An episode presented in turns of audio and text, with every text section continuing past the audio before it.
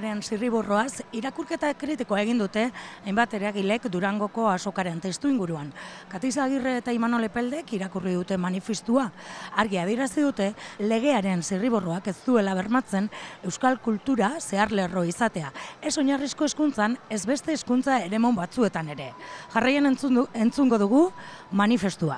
Araba, Bizkaia eta Gipuzkoarako hezkuntza legean eta kurrikulum berrian euskal kulturaren transmisioa eta ezagutza bermatzea ezinbestekotzat dugun kultur eragileok adierazi nahi dugu hezkuntza lege aurre proiektuaren zirriborroa irakurri dugula eta egiaztatu dugula ez dela bermatzen euskal kultura zehar lerro izatea ez oinarrizko hezkuntzan ez beste hezkuntza eremu batzuetan ere gure irakurketa kritikoaren oinarrizko zutabeak honako hauek dira.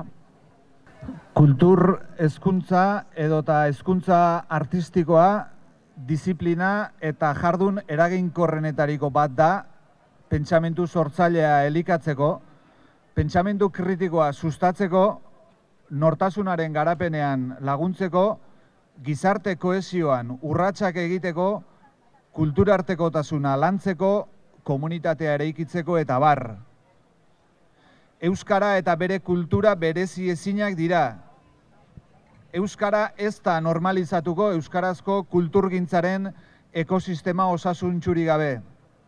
Euskarazko kulturgintzaren ekosistema osasuntxu bizidadin, ezinbestekoa da Euskararen normalizazioa.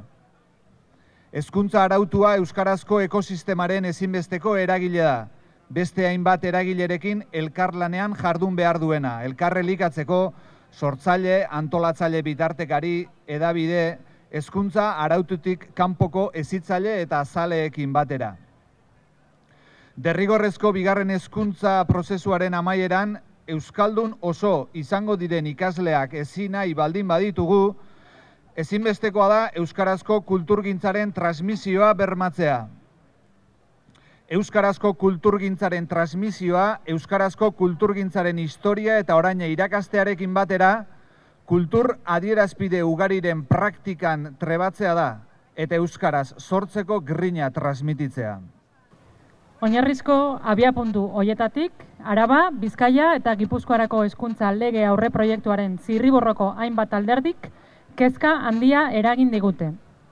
Bat, hezkuntza legearen zirriborroak ez du kokatzen kultur hezkuntza edo hezkuntza artistikoa funtsesko ardatzat eta jakingaitzat. Bi, hezkuntza legearen zirriborroan, testu inguru eta kokapen orokorra egiten denean, ez dago euskararen eta bere kulturaren egoera diglosikoaren inguruko aipurik. Hiru, helburuetan ez dago euskal kulturari espresuki ustartutakorik. Lau, Ez dago euskal kulturaren transmisioa eta ezagutza bermatzeko erakunde, organo edo funtzio iraunkorrik.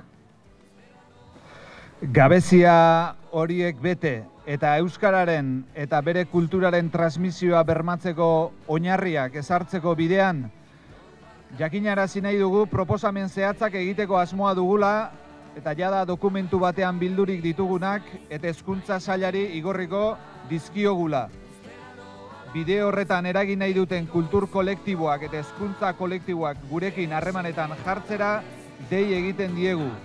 Guztion artean ahalik eta proposamen osatuena eta adostuena egiteko.